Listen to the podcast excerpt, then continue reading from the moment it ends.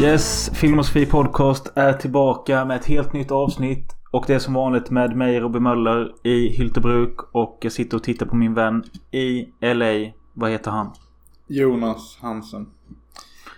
Han, eh, han är lite trött och han dricker Pepsi Wild Cherry Flavor. Ooh. Det låter intressant faktiskt. Mm. Det är, du, du är ju mer en Pepsi-man än en Coca-Cola-man. Ja, det är jag. Och jag är väldigt mycket en körsbärsman. Exakt, så jag visste det. Och eh, jag har varit väldigt mycket anti-körsbär. Men eh, på senare tid har jag blivit väldigt mycket pro-körsbär. Okej. Så och eh, Pepsi Wild Cherry är en smak Tror, du in, inte tar för givet. tror inte jag sett den i Sverige. Men Jag tror inte den finns i Sverige. Coca-Cola Cherry finns ju. Den är helt okej.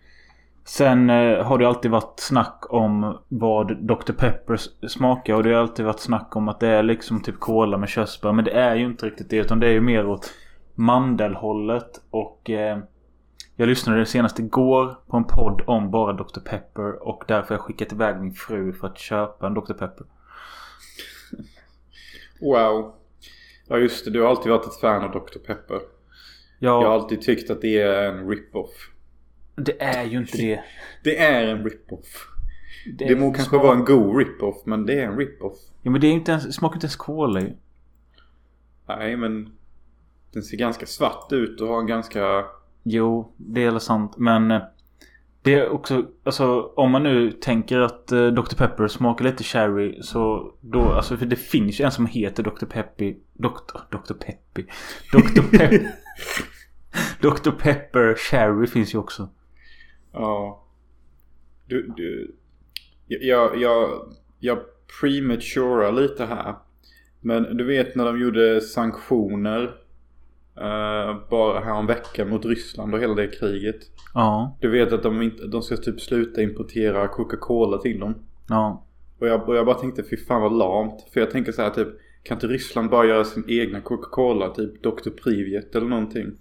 Jo, jag fattar vad du menar. Men... Eh, alltså... Ja, vadå? Det är ju som att... Ingen vill ju ha liksom... Eh, Dr. Privet. Ja men alltså det som säger bara, ja nej men okej vi har inte Coca-Cola längre men vi har Cuba-Cola. Det är liksom många som kommer lipa över det.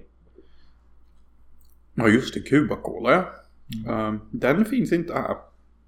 Jag Nej. tror det är en svensk produkt.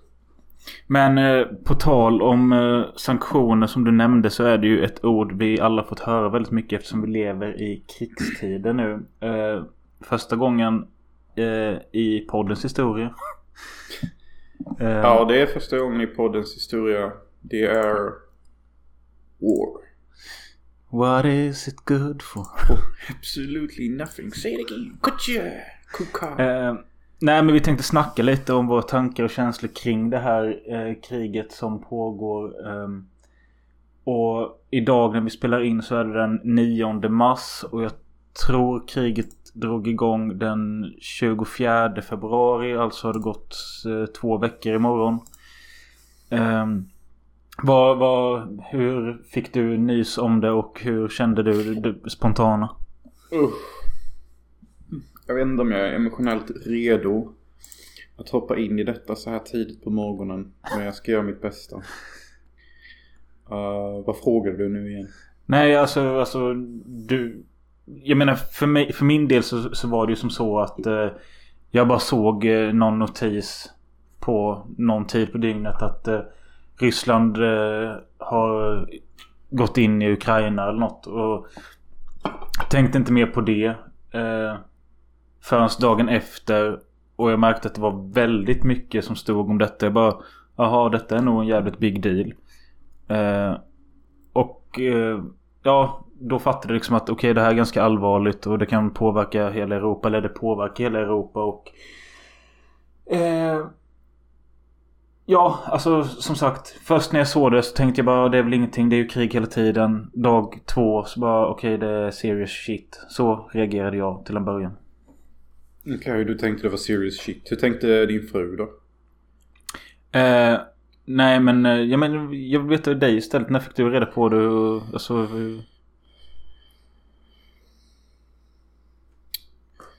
Uh, Ja, jag fick ju reda på det typ direkt. För att eh, min, min bästa vän här, Mary Mm. Senko, som är ukrainare, är ukrainare. Eh, LOL. Eh, så jag fick ju reda på det direkt via henne. Ja. Eh, och jag vet inte hur lång tid det tog, timmar eller en dag innan vi började se typ eh, bomber och sprängda hus. Mm. Som Mary kände igen. Mm. Jag lade upp ett bild på en stor lägenhet som fick en jävla raketmissil rakt in i sidan på sig själv. Mm. Skithäftigt om det inte vore verkligt. Um, Ja. och då berättade Mary för mig att det är hennes exhus. Oj. Eh, hon känner igen huset och gatan och alltihop. Liksom, alltså Kiev är ju inte världens största stad. Nej. Hon är ju från Kiev också. Där Mm. allt började. Eh, så... Detta är första gången jag eh, påverkas indirekt av ett krig. Och alla, alla flyktingar som kom under Afghankriget för sju år sedan, det räknas inte. För jag känner inte en enda av de personerna. Eh, och jag har heller inga kopplingar till afghanstäder. Och ursäkta att jag låter typ hur ignorant som helst som säger afghanstäder. När jag borde typ vara mer specifik med regioner och land. Det, det, det jag känner är att det är så jävla onödigt att ta upp berätta vad man inte brydde sig om.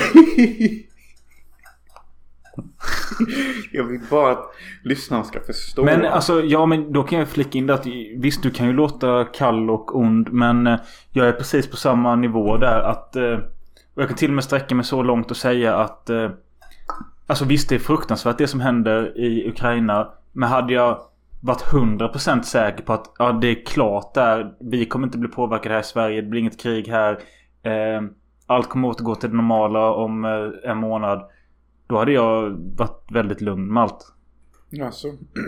Alltså för så, så, har jag alltid varit. Alltså när liksom... Det klart det är Europa. Det är liksom... Det tar nog inte många timmar att flyga dit. Så pass nära är det. Men... Eh, Tar ju typ två timmar. Ja, något sånt. jag... Eh, jag har alltid haft svårt att bry mig för saker som inte påverkar mig liksom. Alltså jag... Ja. Och det ska inte någon ge dig skit för. Och jag hatar människor som ger folk skit för sånt.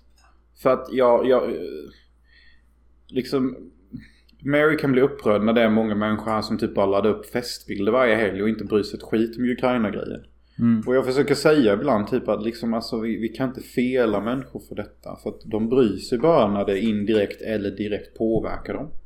Mm. Och människor som, som bryr sig om saker som inte indirekt eller direkt påverkar dem. Ja, de kan vi ju börja diskutera på om de är änglar eller bara eh, freaks. Eh, så liksom, alltså jag tycker det makar sense. Jag hade inte brytt mig om detta kriget jättemycket. Om inte det varit för att Mary är ukrainsk. Och Nej. sen har jag också Anastasia 1 och Anastasia 2. Och Dasha. Tre andra ukrainare som alla var med i min House of Seven skräckfilm. Mm. Eh, vad har jag med? Ja plus då att du ville spela in Bite the Bullet i Ukraina för ett tag sedan. Ja, och det började jag också tänka på. Tänk, alltså. Hade inte jag blivit ihop med mitt ex. Då hade jag antingen åkt till Nya Zeeland eller så hade jag just gjort mina chanser i Ukraina. Tänk så hade jag valt Ukraina. Mm. Då hade jag ju rapporterat från denna podden i Ukraina Kiev nu, typ i någon bunker. Ja.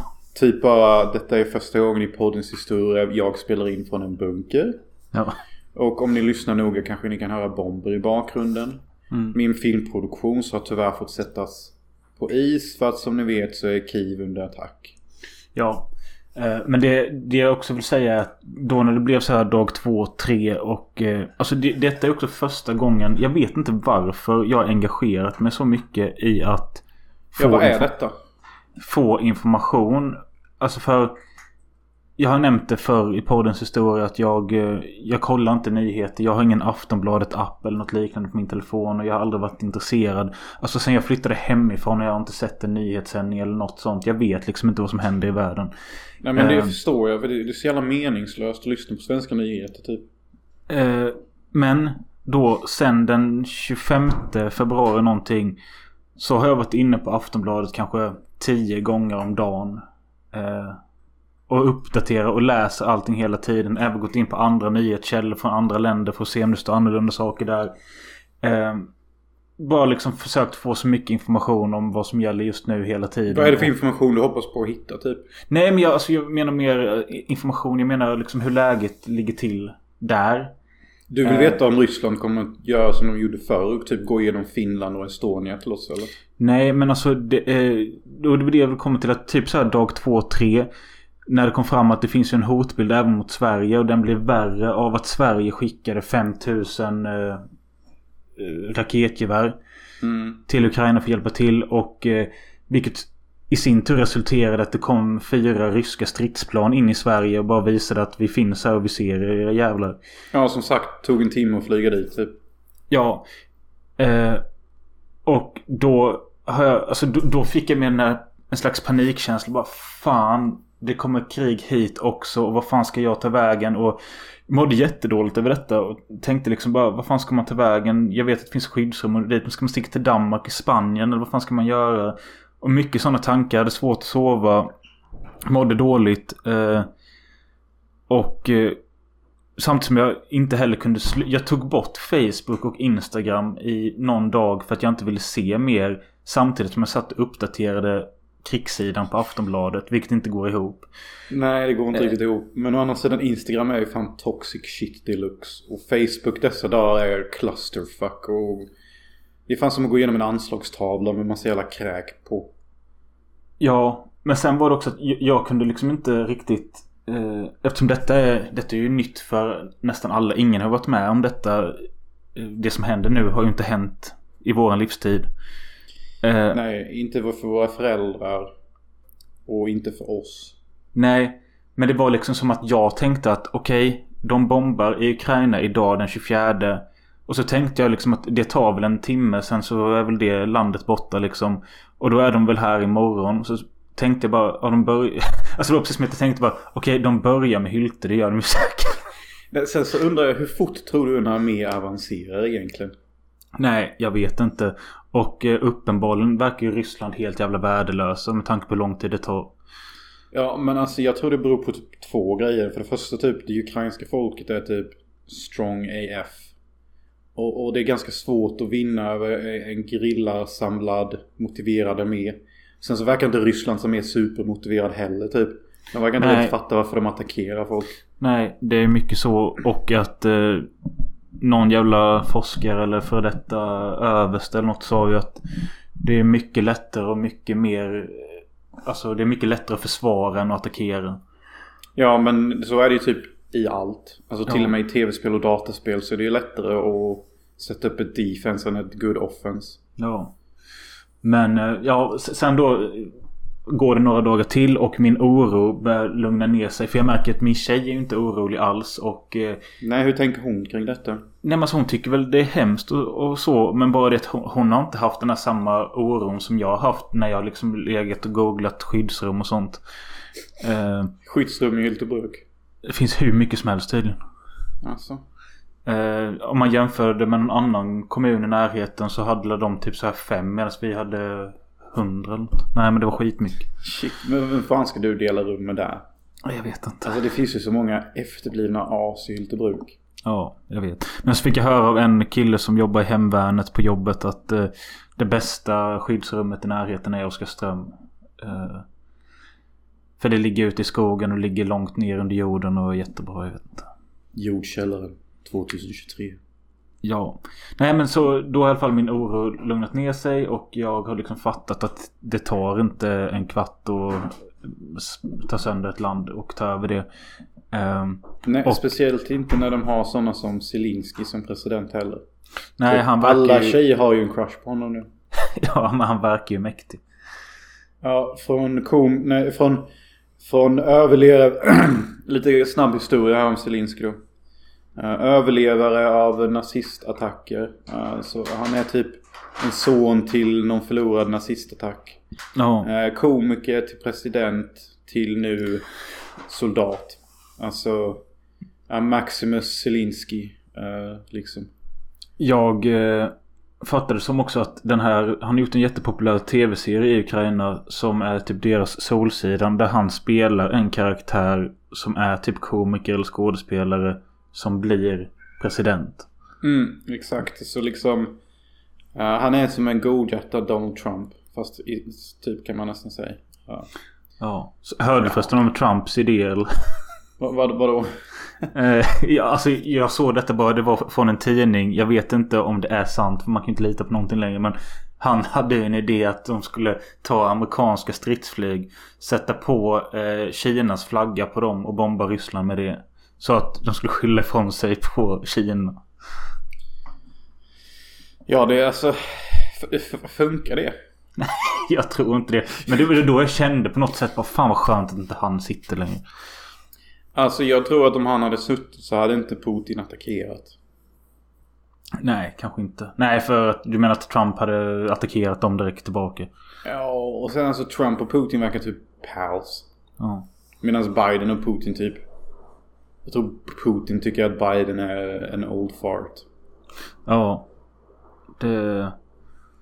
Ja, jag vet inte. Sen är det så jävla mycket teorier med om varför Putin gör detta nu. Alltså vissa säger ju att han eventuellt är sjuk. Antingen fysiskt eller psykiskt. Och liksom att det har liksom slått slint och han tänker att han måste göra en sista sjuk grej för att bli ihågkommen.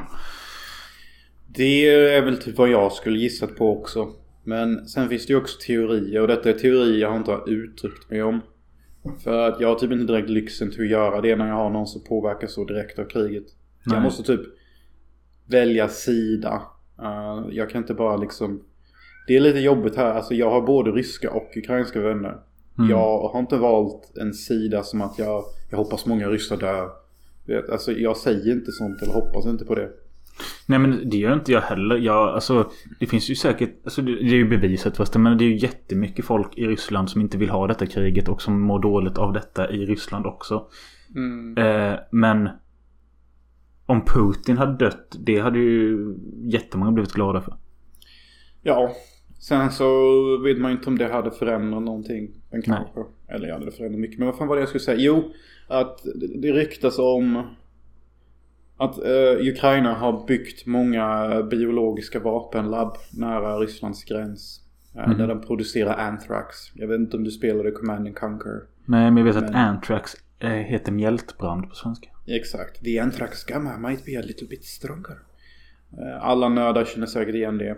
Eh, typ liquid magma som smälter living tissue och typ förbränner eh, miljön.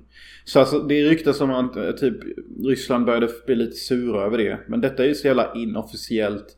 Nämns aldrig i media att liksom jag vet inte hur sant eller icke sant detta är. Nej. Men alltså det finns ju såklart teori om att vi måste ju tänka på att vi här i väst får ju en annan media vi är utsatt för. Absolut. Och, och de i öst får en annan media de utsätts för. Eh, ja, här i, i väst så får vi ju liksom, ja, Put, han han är sovjetisk uh, propaganda-lover liksom. Men i, i Ryssland säger de säkert Joe Biden, he stands for Satanism and American freedom which involves raping kids and producing bishop sex slaves. Alltså du vet,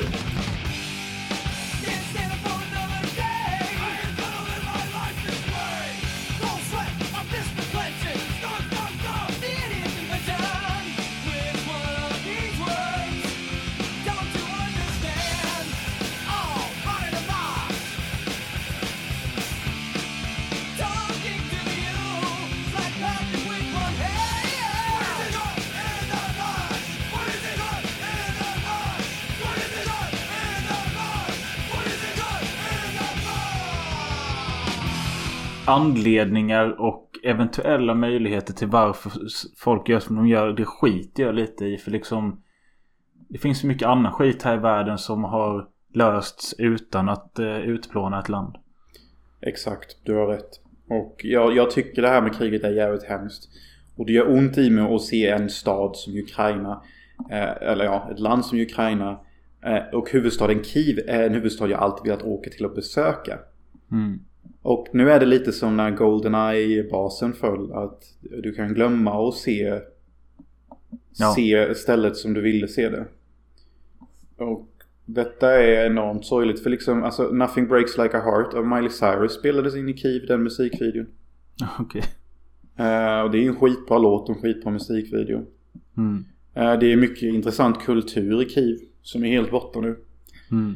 Eh, För att Kiev- inte då prata om alla jävla barn och sånt som har dött i helt onödan. Mycket humant. Mycket mer humant än det jag tänkte säga. Ja. Jag, jag tänkte säga nästa gång, min nästa grej var Tänk på alla assnygga jävla kvinnor som inte bor i Kiev längre. Ja. Eh, mm, liksom, alltså Kiev, alltså Jag var på en, protest eh, Mm. i LA. Som, om folk såg på min personliga Instagram. Och eh, Alltså jag är ju fortfarande i någon slags pubertetsålder. För allt jag kunde tänka på var Helvete vad attraktiva ukrainare är. Och det har jag alltid tyckt. Alltså det är the most beautiful people on planet Earth. Mm. Och det är synd att se en sån vacker stad med så många vackra människor bli helt blown away. De förtjänar bättre. Hur, eh, hur mår Mary nu till skillnad från två veckor sedan? Ja, alltså när det hände för två veckor sedan så var ju alla, inklusive hon, beredda på att eh, typ hennes pappa skulle dö. För eh, hennes pappa bestämde sig för att stanna kvar, typ som många ukrainska män. Och typ Mm. slåss mot Putin och hans röda armé. Mm. Eh, Så Mary försökte ju övertala honom till typ fly men han typ vägrade. För att han är man liksom. Eh, Så då var hon ju väldigt skärrad. Så jag tänkte bara okej, eh, det finns inte så mycket vi kan göra här i USA. Så eh, jag typ bara, låt oss typ bara distrahera oss med typ kassa filmer och eh, god middag. Alltså för typ äta och se film kan man, är typ en ganska bra remedy. Om man är typ nervös över stora grejer man inte kan kontrollera. Ja. Hon var jävligt skärrad och ledsen då typ. Men alltså hon höll sitt cool jävligt bra. Alltså hon har typ inte ens gråtit än. Alltså. Bara en sån sak. Det är rätt sjukt. Men det är det, alltså, de verkar ju ha en helt annan mentalitet och styrka och patriotism. Att liksom för hade det börjat komma soldater hit hade jag bara okej ta mig i röven typ. Ja men alltså det är ju pinsamt. Alltså jag, jag skäms ju över att vara svensk. Alltså jag ser ju mig själv nästan som att inte jag har någon nationalitet. Mm. För alltså eh, det Ukraina gör det hade ju typ inte Sverige gjort. Nej nej. Alltså vi hade ju bara typ vilken lägenhet vill du ha Putin? Mm. Vi har en jättefin här på Östermalm. Mm. Presidentsviten. Du kan få den rent-free liksom. Ja. Uh, Hermann Göring bodde här innan dig. Så du vet att vi är bra på sånt här. Uh, Ja. och liksom Nej, alltså, noll patriotism. Alltså noll ingenting. Alltså. Jag önskar jag var ukrainare typ. Ja, men på tal om det. Du nämnde ju en jävligt sjuk och skev grej till mig. Och det var ju att Mary fick känsla att hon skulle hem till sin familj. Till Ukraina. Och att du då var tvungen att följa med. Du säger det som att det är värsta mongo-grejen typ. Ja, jag har ju nämnt det till några och de bara Så typiskt Jonas och så jävla sjukt. Vadå? Vad, vad, är, vad är det som är så jävla off Alltså visst, det är jättefin tanke och fin kompis. Du är som bara okej eh, min kompis här hon vill verkligen hem till sin familj som är i kriget. Och familjen vill inte ens att de ska komma dit eftersom hon är tryggare i Los Angeles. Men om hon nu bestämmer sig för att sticka dit. Då ska du följa med. Alltså. Det, alltså, det är ju, man skulle kunna dra det långt och säga att bara, ja, men okej, jag tar livet av mig för att åka med dig på ett plan. Alltså, att bara prata om detta gör mig kallsvettig. Och jag blir torr i munnen. Uh, men alltså, hur, hur ska jag förklara detta? Uh, ja, alltså, Mary är 20 år. Jag har känt henne sedan hon var typ 16. Uh, eh, hon är nästan som min dotter typ. På något sjukt sätt. alltså jag kan inte låta henne åka själv till krig. Som en kort 20-åring som typ aldrig har sett våld. Eh, någon måste stå vid hennes sida. Och jag är hennes bästa vän här och hon är min bästa vän här. Och vi har upplevt USA tillsammans. Eh, någonting som skapar ett ganska speciellt band. Kanske därför jag var ihop med mitt ex så länge, vem vet. Eh, och alltså liksom, det, se, försök se det så här. Hade jag varit i Sverige. Okej, och, och fortsatt valt att leva i Sverige. Alltså istället för att åka till USA och London som jag gjorde. Mm. Eh, och kriget hade kommit till Sverige. Mm. Och, och du hade bestämt dig för, nej jag ska gå in i uh, Mercenary armén. Jag är Legionnaire, jag är Jean-Claude Van Damme från Lionheart liksom. Ja. Alltså hade du gjort det, då hade det, det hade varit samma sak där då. Då hade jag känt att shit, jag måste ställa upp. För att, för att det är så att om du ska gå till krig och jag ska sitta hemma och, och, och, och runka till italiensk exploitation. Alltså tror du jag kan leva med det? Jag runkar till italiensk exploitation. Du är ute på fronten och skjuter ryssar. Ja, alltså jag, jag förstår lite vad du är inne på. Men det är bara det att jag tycker inte det är värt att offra mitt liv för någonting som man kan undvika. Absolut. Alltså jag vill verkligen inte till kriget. Och jag manipulerar Mary så gott jag kan till att inte åka till krig. Jag satte in mig i situationen. Vi säger att min tjej Annie skulle vara från Ukraina. Hon ville dit nu. Jag hade aldrig följt med. Varför inte? Vad Nej. är du för man? Nej, Alltså- nej. Älskar inte du din fru? Ja, inte tillräckligt för att dö. Nej den är funny. Nej men alltså nej. Det finns fan vissa gränser. Och Alltså, liksom, shit, alltså- det, det är mycket möjligt att det blir så här. Säg att du och Mary hoppar på ett plan. Kommer till Ukraina. Så de bara Men only. We need warriors. Så får hon åka tillbaka typ. No, no, no, no, no, no, no. Because Ukraine is like Russian motherland. They're genderless. Ukrainian warriors, very strong female. A Russian warrior, very strong female warrior. You know?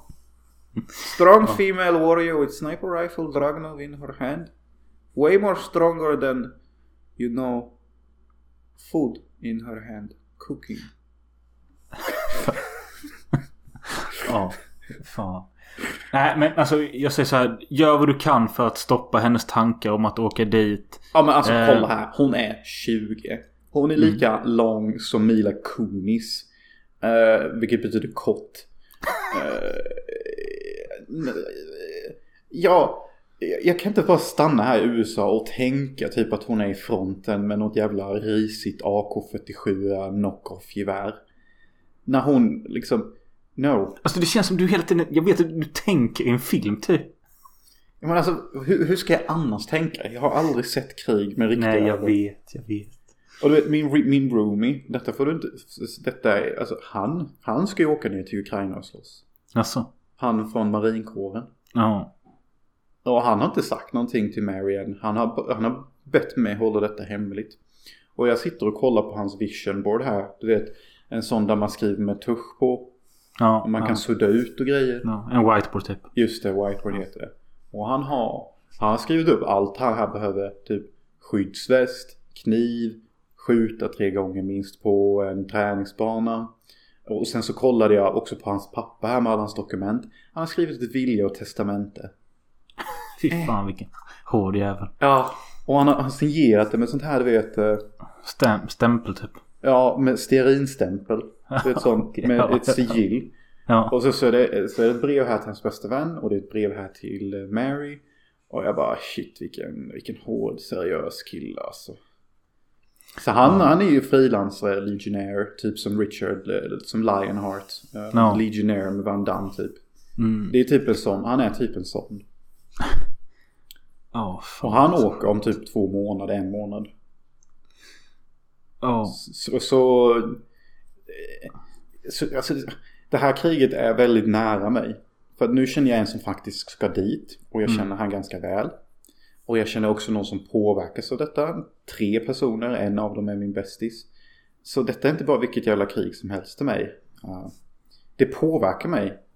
Eh, patriotismen och sorgen Ukraina producerar eh, påverkar mig.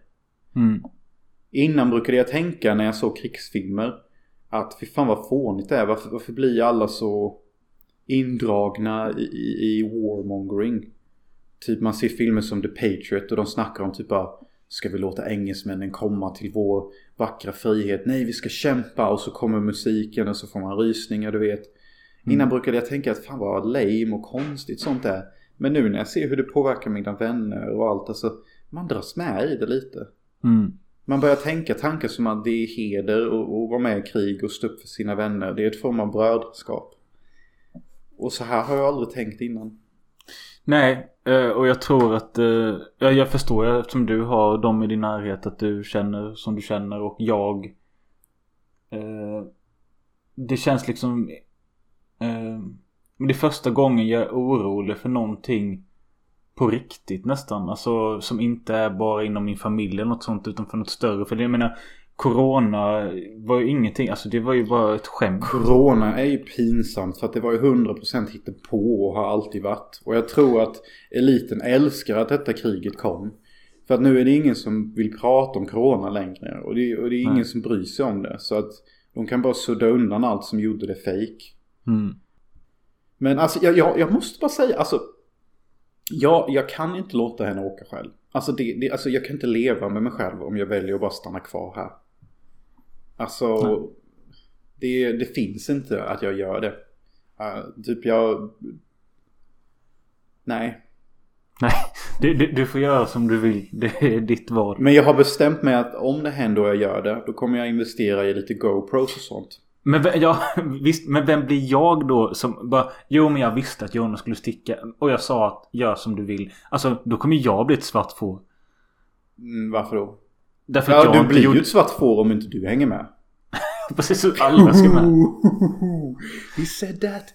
Ja. Oh. Nej men okej du får avsluta några ord här nu om kriget så måste vi gå vidare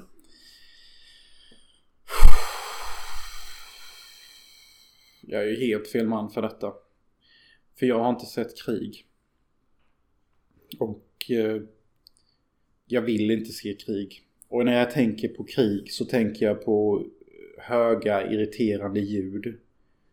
Och, och typ män. Och jag gillar varken eller. Så jag hoppas att Zelinski, allas stora crush dessa dagar, och min faktiskt. I'm a little bit gay for him. Uh, att han löser detta på ett smart sätt och att Putin, jag vet inte, får syfilis eller att någon förgiftar han med Rising så han dör mystiskt om fyra dagar. Men framförallt hoppas jag på att han ser Gud och bara avslutar alltihop.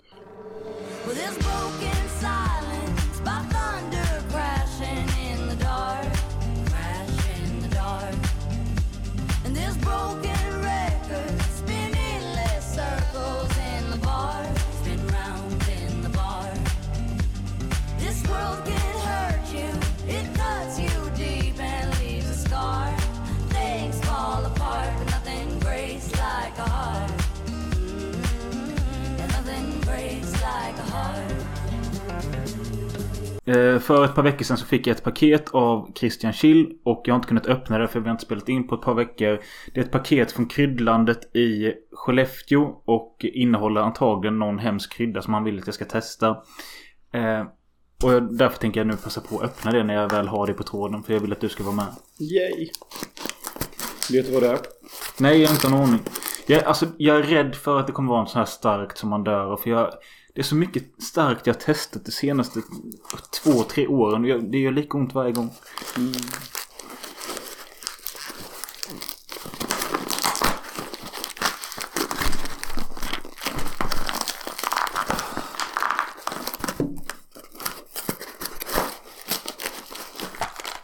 Nej! Är det dödens tårar? Det ena här är eh, världens starkaste nudlar. Ja, det är dött kött. Eh, och eh, det roliga med dem är att jag har redan testat dem med min tjej. Min tjej åt ett helt paket och sen fick hon dricka så mycket mjölk att hon spydde. eh, jag åt, ja vad ska man säga, två, tre gafflar. Och det kom tårar och det gjorde jätteont i timmar. Eh, det jobbiga med dem är att de är goda så du vill typ inte sluta äta men det går liksom inte att äta dem. Kan man inte bara balansera ut dem typ med att eh, eh, man blandar hälften stark krydda, hälften eh, normal krydda från ett annat. Så att man Jo. sprider ut det starka lite så kanske det blir mer nicey. Jo, kanske det. Eh, alltså, ja som sagt jag kanske vill att testa en till. Men inte nu, det hinner vi inte. Eh, men jag har fått en grej till här. Och det här känns roligare. För det här är inte, Alright. detta är Ass-kicking Carolina Reaper popcorn. Oh right. Eh, och jag tror Carolina Reaper är den starkaste chilen som finns. Eh, så ja, popcorn alltså med hetta. Eh, jag får nog istället göra en video när jag testar det här känner jag. Absolut. Hade du vågat? Ja då, lätt. Jag gillar popcorn. Jag har köpt ganska mycket popcorn nyligen. Alltså? Typ så här, sen så jag är jag är typ ganska kliché när jag gör popcorn. För att jag poppar upp dem i mikrosvågugnen. Sen så typ äter jag upp dem så fort jag kan. Typ så här, alltså typ...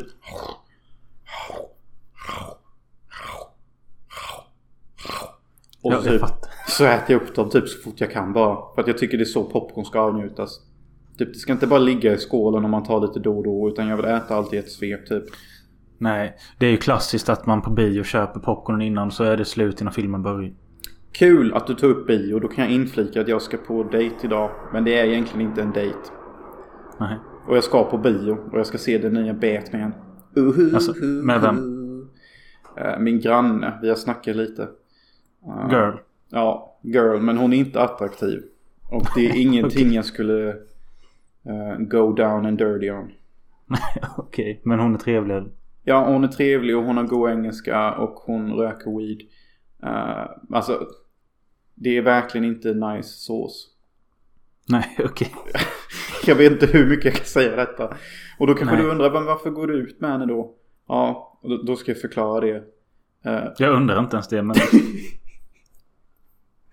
hon bjöd ut mig. Hon valde biograf. Hon valde film. Hon plockar upp mig i bilen. Bekvämlighet kallas det. jag fattar. Men eh, ja men alltså skitsamma om inte du vill ligga med henne. Men du kan väl ändå. Alltså, hon kan ju vara skittrevlig. Du kan få en ny vän. Exakt, det var så jag tänkte. Så jag tänkte till och med att vi ska röka weed på bi- biograf pa- parking spot innan bion. Alltså filmjärn är tre timmar lång. Jag Liksom. vet. Eh, Sen ska ni hångla i mörkret. nej. Ska vi avrunda med det som är, är kanske enligt vissa lite osmakligt tema denna gången. Vi har inte sett några filmer men däremot kommer vi ranka topp 5 krigsfilmer. Ja, eh, och nu när Mölle sa osmakligt, då vill jag flika in och säga att det kanske är lite smakfullt för att nu när krig är vår verklighet och det påverkar oss indirekt. Så de här krigsfilmerna påverkar också på ett annat sätt. Det är som, det är som att se en kärleksfilm innan kärlek men sen se om samma kärleksfilm efter man upplevt kärlek själv. Mm. Det är Som inte att samma det kan sak. bli en slags eh, katarsis-effekt kanske. Exakt. Så jag tänkte att jag kan börja direkt och bara nämna en film. Och jag kommer inte nämna dem i någon specifik ordning typ. Men mannen. På riktigt, på riktigt. Det är roligare. Okej, okej, men då får du börja så ska jag göra en snabb rangordning i mitt huvud. Men på min plats nummer 5 så har jag John Woos Bullet in the Head. Fucking hell man. Du har, inte med, town. du har inte med den va? Nej. Nej. Eh, jag vet att eh, du, du har haft som, lite... du är som fanboy. Du, du har eh, aldrig riktigt eh, varit ett stort fan av den och eh, det blev ju den John Woo-filmen. När de här filmerna visades på sexan och jag missade dem och köpte de här boxarna istället som du också köpte. Mm. Så var det liksom Bullet in the Head som jag tilltalades mest av. Eh, det är ju inte en av hans absolut största filmer. Så de den kom ju under Better Tomorrow och The Killer och de här. Mm. Eh, men Bullet in the Head är liksom John Woos Deer Hunter. Med liksom en lång början om några vänner som bor i någon stad och sen skickas de ut i kriget och sen så är sista halvan liksom the aftermath av eh, vad som händer med de som har varit i krig. Och hur Eh. hittar dig detta nu? Tänker du att eh, i början här att detta är typ en slags analogi för Hyltebruk? Och du och, och grannen och, och, och grönkål kommer bli the trio eh, där dras in i kriget? Eh, nej, så långt har jag faktiskt inte tänkt utan Alltså så här är det överlag med krig, krigsfilmer för mig att det är ju en genre jag helst aldrig ser. Eh, för att jag tycker det är tråkigt. Därför är de här filmerna jag har på min lista, de är liksom inte... Jo visst, de kanske i vissa avseenden är typiska. Men alla innehåller rätt mycket som inte är krig. Till exempel då denna som har en ganska lång uppbyggnadsscen av bara vänskap och de är lite... Jag för mig att de är lite småkriminella och super och sånt och liksom... Och sen då att den har en timme som är liksom tillbaka i en vanlig stad utan krig och bara dramat och vad som händer med psyket efter kriget. Det tycker jag är bättre än själva mittenpartiet. Jo, jag förstår och köper det. Men alltså den är... Det är, det är exakt som du säger. Typ. Det, är- det är... Det är John, John Woos svar på Deer Hunter. Ja. Eh, Men sen, det tåls att tilläggas att många av de här filmerna jag skrivit upp här har ju inte jag sett på flera år. Och vissa har jag bara sett en gång. Men ja. Plats nummer fem, Bullet in the Head. Vad har du? Okej, plats nummer fem. Eh, du kanske kommer bli lite chockad. Denna filmen är varken inte direkt bra. Eh, och den är inte heller så jävla sevärd. Men med det sagt så är den faktiskt skitbra. Och jävligt sevärd. Eh, med den otroligt kryptiska presentationen kommer jag säga att filmen jag tänker nämna är Gå och se. Oj. Det är alltså så sjukt att du nämner den. För det är ju det är typ den enda krigsfilmen jag har osedd som jag är taggad på. Denna filmen är typ enligt vissa världens bästa krigsfilm. Inte redan på grund av att vi aldrig...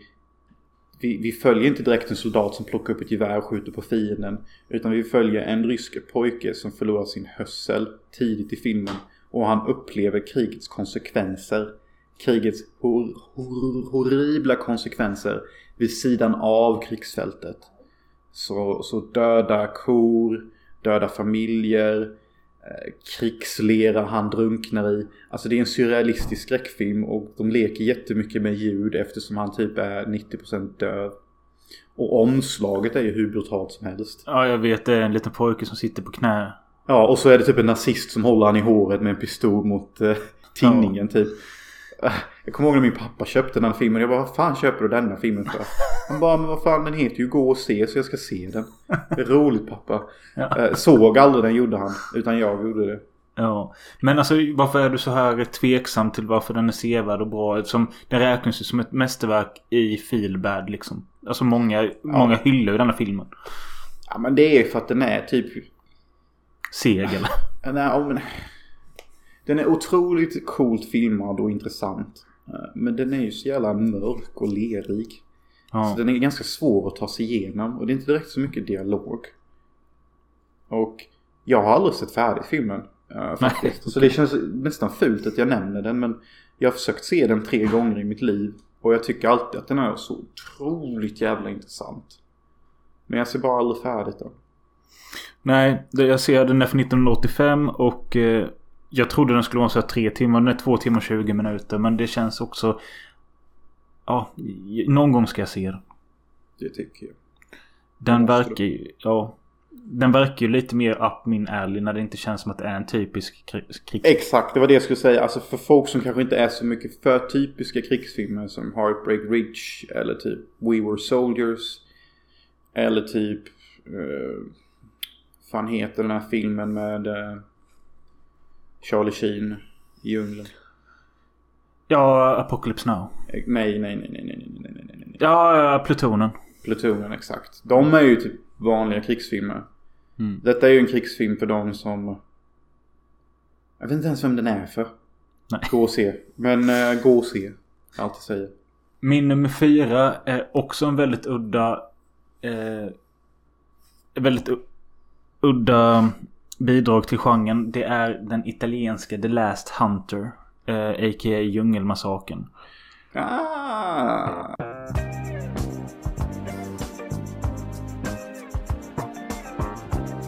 Som jag nyligen såg för första gången. Och eh, DVDn jag såg är din. Och den är här hemma. Du har den fortfarande eller? Ja, ja. Eh, Ja, en den svenska film som- titeln är ju ascool. Djungelmassakern. ju. Ja. Det är coolt. Den är min nummer fyra med faktiskt. Uh, jag, jag flikar in Jag hade inte tänkt på den filmen. Men nu när du nämnde den så bara visste jag att ja, den är ju mycket bättre än de andra jag hade tänkt. Det är också, den är ju den är ju väldigt italiensk i både hur den är filmad och hur karaktärerna beter sig och att den... Alltså... Det är ju mycket pang-pang och sånt i djungeln men det känns ändå inte upplagt som en krigsfilm. Nej men alltså vad fan. Vi har ju John Steiner eller vad fan han heter. Ja. Världens bästa italienska skådespelare som är typ någon slags överste i någon slags eh, bunker mitt i Vietnam. Och sättet han straffar sina soldater är att han skickar ut dem till att fånga kokosnötter medan vietnamesiska soldater skjuter på dem. Och det ser han som good sport. Ja. Och det är ju inte gjort på det här sättet att vi ska tycka att han är elak. Utan det är filmat och klippt som att ja, här har vi en lustig, ganska hemsk karaktär. Och han ska alltid överskådespela och vara så jävla duktig på det. Han är Ja. typ som Klaus Kinskis eh, kusin eller någonting. Ja. Charmigare och snyggare men eh, kanske inte lika skev. Det är ju rätt cool. Så här, de har ju någon slags eh, grotta eller ett berg där de har liksom sitt hide place. Mm. Eh, där alla soldater är. Och det är ur den han skickar ur dem för att leta Mm. kokosnötter. Och det är så jävla mycket snabb rå action. Typ nästan varje skott när någon blir träffad så är det en blodeffekt. Mm. Och det är mycket så här point of view och, och snygga vinklar och bra musik. Och början är ju jättekul. Den, de jag är- kommer ihåg att du visade bara den för mig. Ja, för att jag älskar början för att det, de är i något slags horhus eller någonting och någon amerikan är asfull. Så det är massa jävla, Montana. ja, det är massa jävla Dutch angles på honom när han hivar öl och typ bara svettas. Sen så är det någon annan kille som typ är irriterad på en hora så han bara typ skjuter sig själv. Ja. Alltså det, det är så jävla... Där har vi också typ Deer Hunter vibes. Fast Mm. typ bara Italien. Och det, de, de första tio minuterna där är riktigt bra. Hela filmen är typ riktigt bra. Och min nummer tre är The Deer Hunter. Gay. Jag visste att du skulle säga det med. Har du, se, har du sett den nyligen? Ja, jag såg den faktiskt eh, för två år sedan för första gången. Eh, när jag var hos Stina så såg jag hela filmen. Eh, och jag vill bara säga att jag förväntade mig mer av slutet. Eh, vad tänkte du på då? Med tanke på hur långa alla andra scener är. Ja. Så, så tar det inte lång tid innan Christopher Walken skjuter sig själv i huvudet. Nej, du menar att man kunde dra ut på det mer? Eh, ja, med tanke på att alla andra scener är extremt utdragna. Så blir Ja. det lite snopet när väl finalen kommer och det är den Mm. snabbaste scenen. Varför är det Jo. ingen som pratar om detta? Nej, jag vet inte. Det kanske... Nej, jag, jag kan inte försvara det eller någonting. Jag, det, det, Jag dödade hela din film. Blir det plats nummer... Nej, Något annat nej, nej men alltså jag tycker det är skit. Jag såg ju om den typ, vad kan det vara, förra året. Och eh, det var typ första gången på... Alltså första gången på länge jag såg om den och eh, så bra som jag tyckte den var förra gången har jag aldrig tyckt innan. Eh, för nu, alltså jag fann den inte särskilt seg. Alltså, visst den är lång men jag har aldrig tråkigt. Och jag tycker den är snyggt uppdelad. Eh, även om, alltså om det är någonting som är långt i filmen så är det väl början innan kriget. Det är mycket långt. Ja. Men alltså det som filmen gör jättebra är att... Alltså staden känns så jävla Hyltebruk och så jävla... Mm. fabri typisk amerikansk fabriksstad som känns påhittad för att det kan egentligen varit vad som helst i norra USA. Mm. Eh, Men det är ingen stad man känner igen men den är otroligt cinematisk ändå. Och det är så jävla bra när Robert De Niro kommer tillbaka från kriget och allt han känner är utanförskap. Mm. Och det här vill jag knyta in lite till verkligheten. Så säg Mary åker till krig och jag inte åker med. Sen så kommer Mary tillbaka. Alltså vårt band, vad vi än hade, är, är ju inte ett band längre. Nej. Det är därför jag tror så många väljer att åka till krig när deras vänner åker till krig. För att om du väljer att säga nej till krig så väljer du i princip att säga nej till framtidsvänskap. För att ni kommer vara så annorlunda efter detta. Ni kommer inte kunna umgås med varandra längre typ. Nej, det finns risk att det blir så. Och det gör den här filmen väldigt bra för när Robert De Niro kommer tillbaka så Det känns ju som han har börjat långsamt men ändå ganska snabbt hata sina gamla vänner. Ja, han Typ vill inte han- vara där. När han typ pratar med dem och går med det enda han egentligen tycker om och det är bara för att hon är kvinna. Är ju för fan eh, hon Meryl som alla... Streep. Meryl Streep. Världens mest överskattade skådespelerska. Kan vara beredd att hålla med. Eh, bara gjort en bra roll egentligen. Djävulen börjar prada. God rest her soul. Men... eh, eh, så där har vi ju en anledning till varför jag tänker som jag tänker. Jag hatar ju att förlora vänskapsband eh, och, och relationer. Alltså det är ju aldrig trevligt att göra det. Nej. Vilken är din nummer tre? Alltså jag, jag hade ju inte typ... De, eh, eh, det blev lite stressat här att jag inte hade någon ordning. Så jag kommer bara kasta in den. Eh, Joan of Arc, The Messenger. Är det den från den gamla? Alltså- 1999, Luc Bessons krigsfilm. Jaha. Eh, hans berättelse om eh, Joan of Arc. Eh, Med Mila Jo- Jo- Jovo- Jo- Jovovich. Mila Djokovic. Som han också var gift med eh, under en viss tid. Jaha. Eh, så... Och jag vet inte om Mila Djokovic är ukrainsk eller polsk. Men hon är något. Men det är kul att för de andra vi har nämnt har varit... Eh, har inte alla varit satt under typ Vietnamkriget eller? Eh, Jo, Bullet in the Head är Vietnam. Last Hunter vet fan. Men det är typ den tiden. Jo, det är Vietnam. Definitivt. Deer Hunter är Vietnam. Nu kommer vi helt plötsligt, vad fan är det? 15 och 1300-tal? Vad fan är det? Eh, 1300-talet. eh, medeltid. Eh, Frankrike är invaderat av England. Longbowmens. Eh, och Frankrike är så desperata att de väljer att lägga sin ledarskap i en 17-årig flicka som påstår ha sett visioner. Och hon ska liberera England med svärd och viljestyrka. Och hon lyckas. För att sen bara överges av sina män till att brännas på bål som en häxa. Och hon blir för evigt en martyr och en legend för resten av all mänsklighet. Ja, jag känner till historien. Jag har aldrig sett någon av filmatiseringarna. Eh, jag vet att du även har sett den. Har du sett den från 62 med va? Den franska? Yes. Har du sett den där jättegamla från 28? Den stumfilmen? Tyvärr. Eh, Men den, jag har sett en jättebra Joan of Arc-film. som- Den, den är svartvit och den handlar bara om hennes rättegång. Ja, det är den som jag har. Den heter The Trial of Joan of Arc. Mycket intressant film. Eh, Jag tror den filmen vinner Guinness rekordbok på mest frågor ställda i en film någonsin. För jag tror att det kommer en fråga ungefär var 20 sekund till Joan of Arc och det pågår typ i en timme. Och jag bara tänkte detta måste vara något rekord alltså. Jag tror aldrig jag har hört så här många fucking frågor om allt mellan himmel och jord. Kan man se den som ett komplement till eh, Luc Bess- Bessons... Eh, Man kan typ göra det för att jag har alltid tyckt att Luc Bessons film The Messenger är ganska sådär. Men den blir stegvis bättre och bättre hela tiden tills när man kommer mot den sista halvtimmen filmen då filmen verkligen blir ett mästerverk. För att, vad fan heter han? Dustin Hoffman. mm. Eh, För när hon är till fånge och genomgår sin rättegång då börjar hon fabrikera fram en man som kan vara Gud eller Jesus som spelas av Dustin Hoffman. Och han ställer väldigt många intelligenta frågor om varför Joan tror att hon är ett fucking saint. Mm. Och det, ja, hela filmen går från att vara en standard krigsfilm till en väldigt djup och intressant film om typ människopsyke och därför hamnar den på plats tre. Nice. Kanske borde ta och se den någon gång. Fast jag är, Ja. nästan, jag är nästan mer intresserad av 60-tal. Ja, den är typ mer intressant. Eh, men min nummer två. Som jag antar kommer vara din nummer två eller ett. Är Starship Troopers. Det är min nummer två.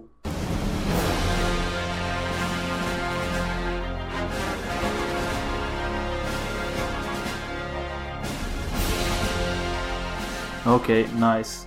Alltså jag vet, du såg ju om den nyligen. Ja. Och eh, det kan ju... Det är nog det mest eh, lättsamma att se av de här vi har nämnt hittills. Då den är väldigt lattjo och det handlar liksom om kriget mellan människor och eh, utomjordingar. Arak Arachnite. Anarachnides. Ja. Uh, bugs som de kallas. Även om väldigt mycket av upplägg och hur karaktärer och allting, hur kriget eh, fungerar där är ju taget från verkliga krig. A dead bug is a good bug. I just wanna kill some bugs, sir. I'm doing my part. Are you doing your part? Eh, baserad på en bok med samma namn. Eh, alltså, jag blir typ både otroligt glad och samtidigt extremt upprörd när vi pratar om denna filmen. Eh, för att denna filmen är ett mästerverk beyond fucking understanding. Alltså det finns så många lager till denna filmen. Så när du kommer och säger typ Alltså jag älskar filmer som Mid-90s. Då, då, då blir jag typ så här: okej du älskar filmer som Mid-90s. Älskar du den mer än Starship Troopers? Alltså det är en fråga du ställer mig nu. Ja. Ja, De är typ lika bra. Var beredd på att flippa där ett tag. Men det är lugnt. Men det är så väldigt olika filmer. Alltså Mid-90s är någonting mer jag kan relatera till och så. Och Starship Troopers ser jag bara som en fulländad underhållningsfilm. Den är ju väldigt, väldigt underhållande. Det är det jag älskar med filmen, att den är extremt underhållande. Och all parodi och krigspropagandafilm är skitkul. Men mellan allt detta har vi en, eh, eh, också en fantastisk cast. Och en extremt bra satir. Ja. Alltså, alltså, man kan missa det om man inte tänker på det. Men liksom, det finns en duschscen. Där både killar och tjejer duschar. Och redan där är ju filmen långt för sin tid. Men om man lyssnar på deras dialog. Och detta första gången jag märkte det.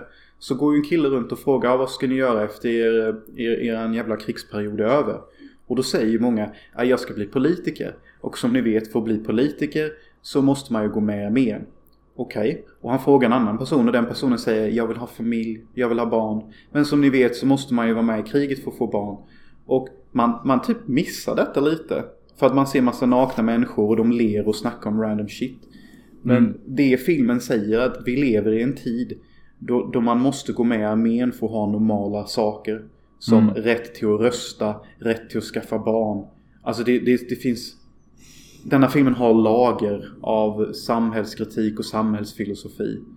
Ja, och det är därför den tåls att se om många gånger. Nu var det ett tag sedan jag såg den men jag menar när jag såg den första gången när jag var typ åtta år eller något sånt. Då var det ju bara coolt att se Bugs bli ihjälskjutna. Det var allt man kunde, det var allt man kunde se. Jag kommer ihåg, alltså varje gång, när, varje gång denna filmen visades i min lilla jävla skitby. Alltså varje gång jag kom till skolan och denna filmen visades minst en gång om året. Då var det alltid någon som gick en klass högre mig bara Åh, bara, kommer ni ihåg den sista scenen när den där jävla negern i slutet bara You want some more? You want some more? You want some more? Han bara, han bara dödade alla bugs. Så jävla coolt. Och vi bara yeah. Jag tänkte först säga något eh, angående ditt ordval. Men så kom jag att tänka på att så lät det nog på skolgården. Alltså detta är 1999 för fan. Ja. Alltså, det, neger var ett green card word. Alltså det är Ja. lugnt, det var lugnt. Och det, det är där jag har så nostalgi. Det är därför jag har så... Det är därför inte jag ser detta ordet som en hemsk grej. För att jag har liksom så här vackra nostalgiska minnen kopplade till detta ordet. Ja. För att och, och se barns hypade ansikten när de bara Åh, negern var så jävla cool. Han hade maskingevär. Han typ bara pepprade sönder dem. Sen bara stampade han bugsen i ansiktet. Oh. Alltså, Ja. det är coolt. Eh, jag...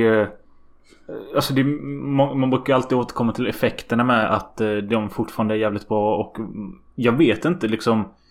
Eh, hur, har du sett någon av uppföljarna? Uppföljarna suger enormt mycket anus. Och För, effekterna vi- är visst, enormt visst är mycket han eh, fortfarande med där, Casper Van Diem? Bara i trean. Jaha. Och trean är faktiskt rätt sevärd för att det finns en jättebra karaktär i den som är någon slags flight admiral. Och han, han är också en artist. Som har spelat in en Eurovision-låt till att värva mer soldater. Och det är en jävligt catchy låt. Som typ går It's a good day to die. When you know the reasons why Citizens we fight for what is right di, di, di, di. A noble sacrifice For duty calls you pay the price when da da da da, da. Så, Man får lite shivers typ. Vi kan slänga in den. Kul att du kan den. Ja, men den är hur catchy som helst bro. We call upon our troopers in this our darkest hour. Our way of life is what we're fighting for. The flag that flies above us inspires us each day to give our very best in every way. It's a good day to die when you know the reasons why. Citizens, we fight for what is right a noble sacrifice. When duty calls, you pay the price for the Federation. I will give my life. When all is fair in love and war, that's what my gunny says. Ja. Men Starship Troopers, ett eh, mästerverk som eh, man... Ha, har man lyssnat så här långt på den här podden inte sett filmen då kan man ju göra. Ja, och detta är också... Jag tycker, jag säger detta varje gång jag pratar om filmen, men den har den finaste i alla relationshistorier någonsin. Alltså, denna filmen är den enda filmen jag kan minnas där en tjej blir friendzonad. Menar du relationen mellan John, Rico och Dizzy? Ja. Och det, Ja, är, det är min favoritbit med filmen. För hon är ju en mycket bättre tjej än vad flinskallen Nis Richards är. Alltså, det, alltså, alltså nu hittar ju denna filmen annorlunda för att John Rico är ihop med världens hetaste tjej. Denise Richard in her prime. Och Hon är ju taskig mot honom. Ja, det är hon. För att hon lurar in honom i armén. Har bara sex med han en gång. Sen gör hon slut med honom när han redan är i armén. Och inte har något att återvända till. Och håller på och teasar Mr Douchebag i himlen på ett jävla skepp typ. Ja. Och för övrigt håller jag med att Shore Bacon, de passar bättre ihop. Men kunde du inte gjort slut med han innan du drog in han i kriget? Jo. Så att han kunde åkt till Harvard eller spendera tid med sin familj eller vad fan som helst. Och sen Dizzy, en väldigt attraktiv austra- australiensk tjej med, med lockigt, otroligt vackert hår. Och hon är, hon är, hon är en redig kvinna alltså. Och, hon är fresh fucking bacon. Och hon vill ha Rico hela tiden under filmen. Och hon får nobben efter nobben. Och jag bara, är du en kille Dizzy? Och visst är det så. Dör inte hon sen? Ja, Jo, det är hemskt. det är så jävla hemskt. Ah. Och det sista hon säger när hon dör är att det är okej. för jag fick i alla fall ha dig en gång. Ja. Och det fick hon. I ungefär två scener innan har de faktiskt sex. Och jag bara tycker det är så vackert.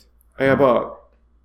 Alltså vi- vilken annan film får vi se en tjej bli friendzonad? Nej. När hon är så, så mycket bättre för honom. Och han bara inte fattar det för att han är helt förblindad av Denise Richards hotness. Mm. Och visst, jag förstår det Rico. Du hade sett henne en vecka tidigare i Wild Things. Jag köper det. Du vill ha henne som tjej. Dizzy, vad fan gjorde hon? Hon var typ med i, i Aragon eller Dragonheart eller någonting med, med, med eh, James Bond typ. Jag vet inte ens ve- vem den skådisen är. Nej. Eh, Okej, min nummer ett. Kanske din samma, jag vet inte. Om inte detta är samma som du har så vet jag vilken din etta är. Men min är Apo- Apocalypse Now. Alltså, Apocalypse Now, jag, alltså, Apocalypse Now är bättre än eh, The Messenger of Joan of Arc. Alltså, jag blev förvirrad när du sa, men Apocalypse Now är med på min 5 av 5-lista, men jag kommer inte nämna den som nummer ett. Detta är nummer ett nu för mig. Ja, och det förstår jag och det tycker jag är rätt. Ja, och eh, det som eh, jag borde säga är att jag har ju bara sett den en gång och jag har bara sett Redux-versionen. Jag vill se om den med den korta versionen för jag har fattat att den är liksom bättre paced. Man slipper allt med den här franska skiten och eh, ja. Alltså med Redux-versionen, alltså jag älskar den franska skiten. Men allt annat extra tycker jag är skittråkigt. Alltså jag tycker det är skitintressant att se dem vara på den här franska plantationen och snacka om krig och sånt. Eh, Och han ligger med värsta milfen där. Men... eh, Alltså Apocalypse Now är ju fucking amazing. Ja, det finns ju även en ny cut som heter The Final Cut. Den har jag Som- inte sett. Den, den tror jag dock är kortare än Redux. Bara det att det är något annat som skiljer. Jag vet inte. Jag orkar inte när det blir så mycket cuts. Nej, alltså det är för mycket redan. Eh, Men, jag- eh, Mar- Martin Sheen eh, är ju grym. Det pratas mest om Marlon Brando. Men Marlon Brando är inte med så mycket känns det som. Han dyker inte upp förrän sista. Halvtimmen. Och Ja. visst, hans roll är ikonisk och hans läger är ikoniskt. Och jag, jag älskar vad fan heter han som är fotograf där. Ja, Dennis Hopper. Dennis Hopper. Ja. Hans karaktär där, är, jag har ju... Det är din inspiration. I min inspiration till min, min eh, lesbiska spionfilm där jag har en kille, eller en fotograf som kallar sig själv Daddy, Daddy 69. Och han är Fucking. Ja, Daddy fucking 69. Ja, det är bra. Du kan manuset. Och han är, kommer se ut som honom och vara helt inspirerad av honom. Typ klä sig likadant. Så, så det är, det är, är, alltså, Apocalypse Now är bra skit. Den är bra klippt. Det är, det är mycket surrealistisk kritik och början är så intressant när Martin Sheen är helt jävla väck i ett hotellrum och slår sönder speglar och sånt. Mm. Och han kommer ju inte ihåg det. Eh, Mitt, mitt, vad jag tror han gjorde är att han crossfadade med, eh, inte kattmynta, vad fan heter det? eh, kokain, vodka och, vad fan heter det? Silvia? Silvia? Salvia. Salvia. Salvia. Jag tror det var en crossfade med vodka, kokain och salvia. Du menar att han tog det i verkligheten? Ja, eller jag fick höra från min marinvän. Eh, han hade varit eh, i Malaysia eller någonting. Typ där jag tror han är stationerad eller någonting. Mm. Och han sa att det finns vissa barer där man kan blanda, man kan köpa en shot. Mhm. eh, Som är utblandad med ett visst speciellt ormgift. Mhm. Och, och dricker man denna shotten då är det typ som att typ dricka 10 shottar direkt. Plus lite surrealism inblandat. Mm. Eh, och han sa att hans kompis gjorde det. Och han betedde sig som eh, Martin Sheen i början. Fast han klädde av sig naken och började typ slå sönder speglar i sitt rum. Okej. Eh, Så det kanske var det han drack också skådespelaren. För skådespelaren säger ju att han inte ens kommer ihåg de dagarna. Mm. Och att han var helt Vekovic. Visst är det, är det inte Lawrence Fish, Fishburns första film också? Han är väldigt ung där vet jag. Ja, det är det. Han är en av de unga männen han har som transporterar han to the heart of darkness. Som det då Mm. kallas. Har du sett dokumentären Heart of Darkness? Nej.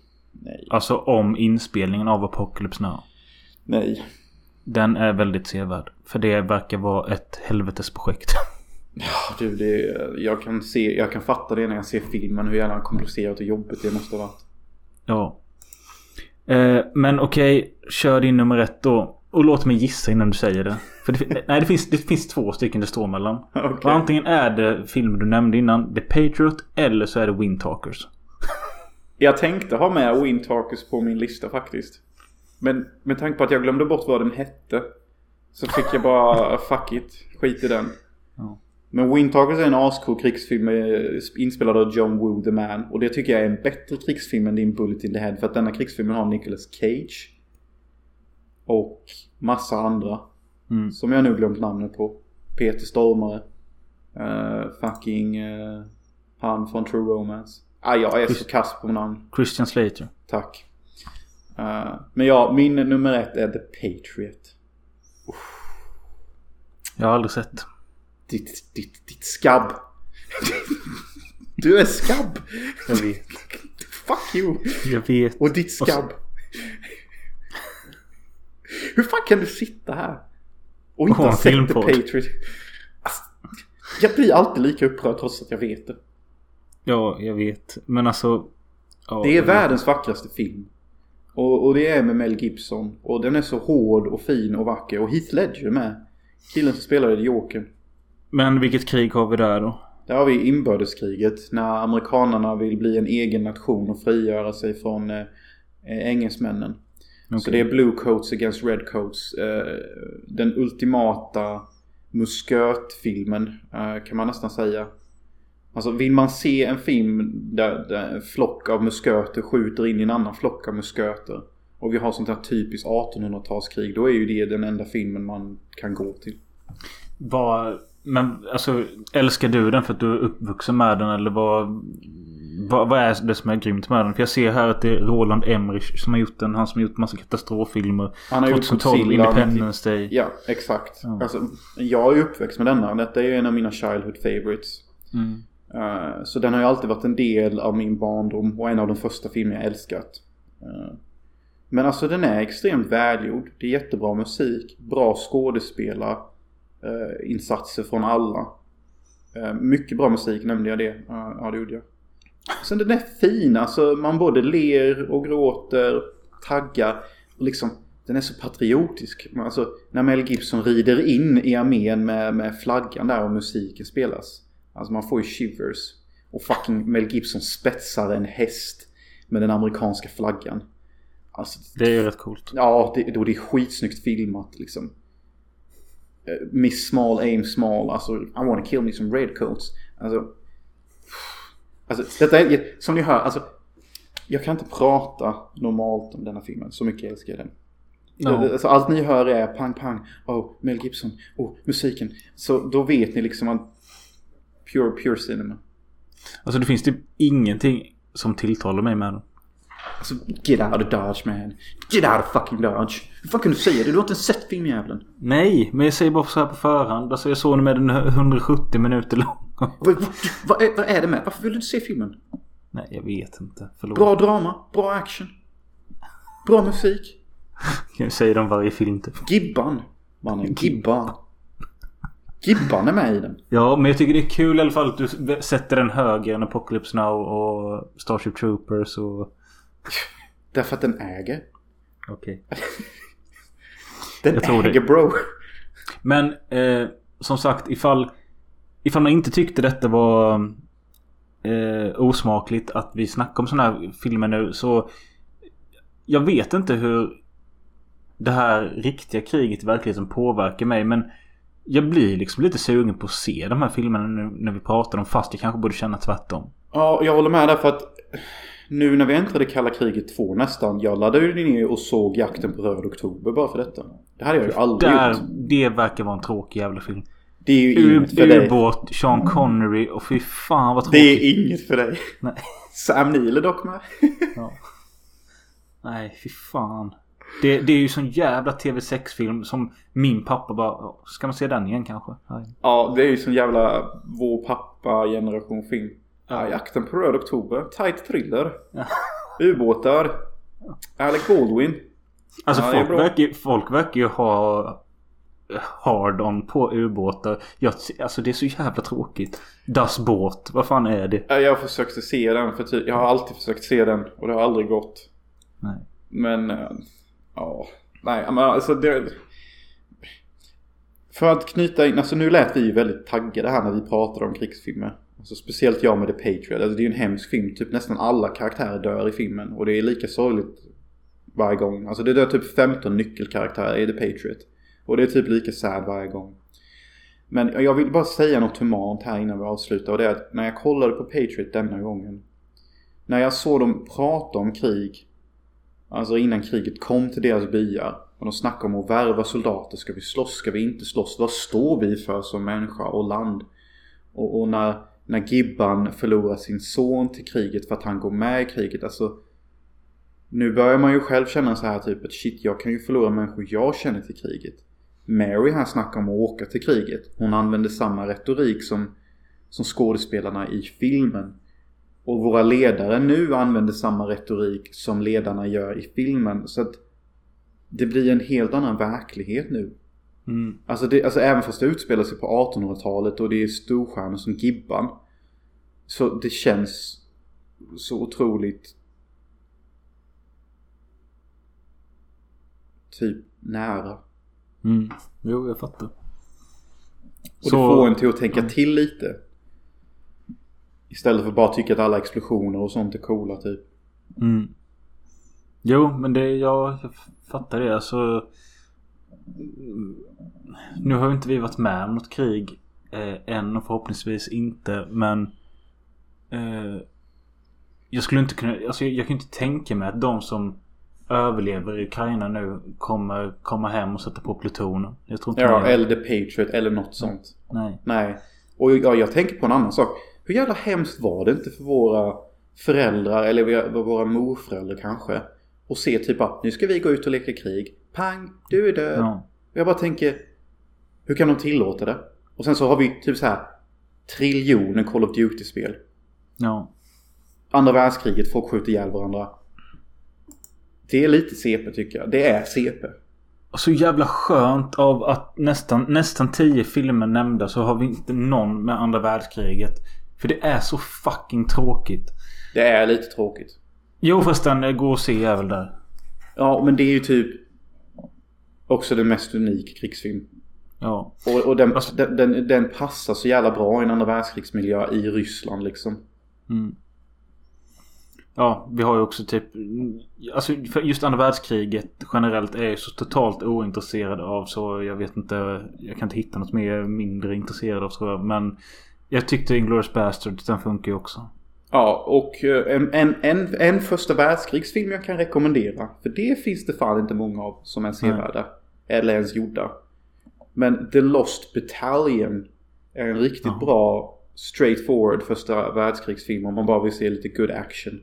Gjord av regissören till Highlander faktiskt. Okej, låter rätt coolt. Ja, vill man bara se en cool first action World War One movie så är det, det den bästa jag kan komma på. För du säger, alltså ja, som du säger, det finns typ inga om det kriget. Nej, sen finns ju på västfronten inte ett nytt. Typ Remake 1, 2, 3. Uh, Men just det, har du sett den här Sam Peckinpahs uh, Järnkorset? ja, Iron Cross. det har jag. Är den grym eller? Den är faktiskt rätt bra. Eh, med, eh, inte Rod Steiger. Fan heter han den andra? Uh, Säg något annat han har gjort. Fistful of. Dynamite. Eh, Eh, James Coburn. James Coburn är ju med och är huvudroll. Eh, Iron Cross kanske kan bara vara sevärd. Inte på grund av att den har ganska cool action men det är två bögar med i filmen. eh, och en sergeant försöker under hela filmens gång få dem till att erkänna att de knullar varandra. Okej. Och det är typ en ganska stor sideplot som jag tyckte var jävligt intressant när jag såg filmen. Och det är därför jag också kommer ihåg den. Ja, eh, ni har fått många krigsfilmstips nu ifall ni inte har sett alla de här tidigare. Eh, det har varit ett litet eh, lugnare och seriösare avsnitt än vanligt kanske. Men det är ju sådana tider vi är i. Eh, jag ska ju faktiskt om eh, 24 timmar åka till Nottingham. Och vara där i några dagar. Det ska bli kul. I London? Ja. Jag menar i, i United Kingdom. Ja. Du ska till Nottingham? Ja, det var därför jag sa att jag måste spela in idag. För jag kan inte. Ah. Sheriffen av... bor- Synd att jag inte bor kvar ja. Ja. Ah men varför ska du åka nu när inte jag bor där? Jag, för att jag köpte en biljett till en konsert till ett Kate Bush tributeband till Annie typ förra året och det blev framskjutet på grund av Corona och nu... Ja. Jag har ju också kvar de biljetterna.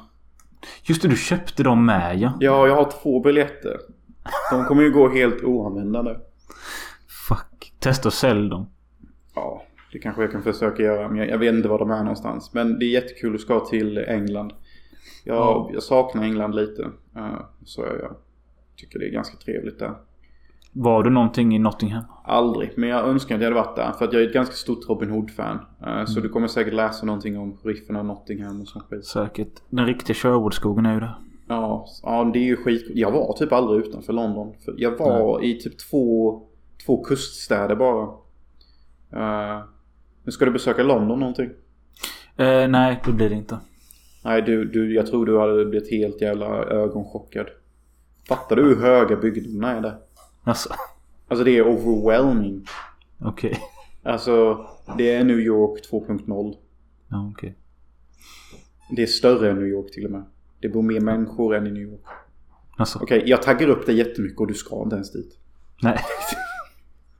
och dessutom tyckte jag detta lät jobbigt med mer människor. och- Men nej, jag tror Nottingham kommer vara mysigt och jag tror det kommer bli bra. Var beredd på att bli kallad boss ofta. Typ Alltså- varje jävla kiosk du går in i. Boss. Ja. Okej. Men det gör de här i LA också. Jag, jag, jag fattar inte. Är det någon ny grej eller? Is that all boss? Yes, employee. Alltså.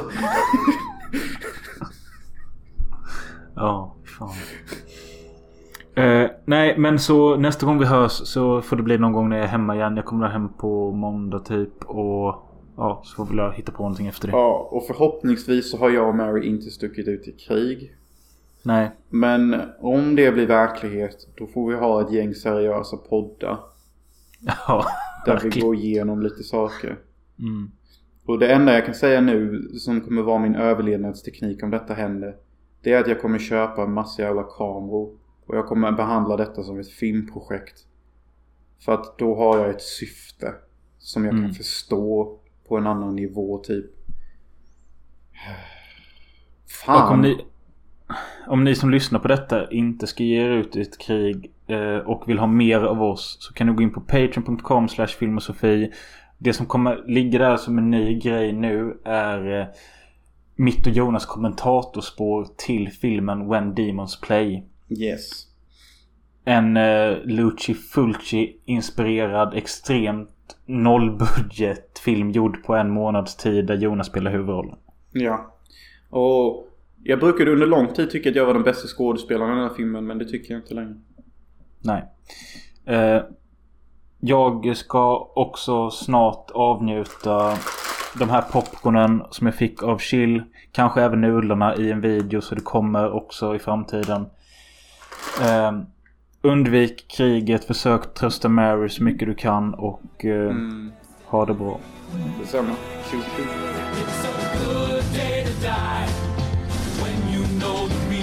why. Citizens, we fight for what is right.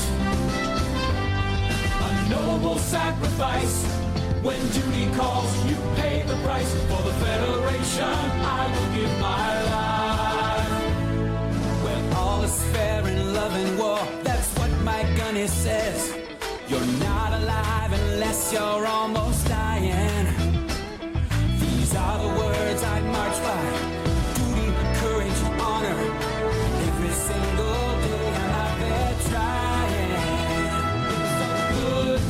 Die.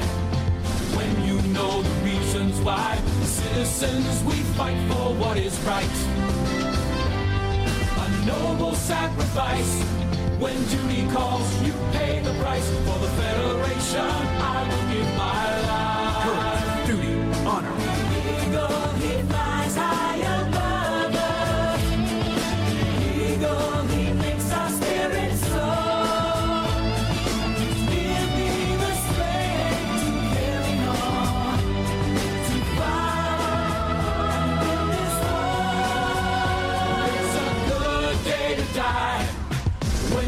know the reasons why. The citizens, we fight for what is right.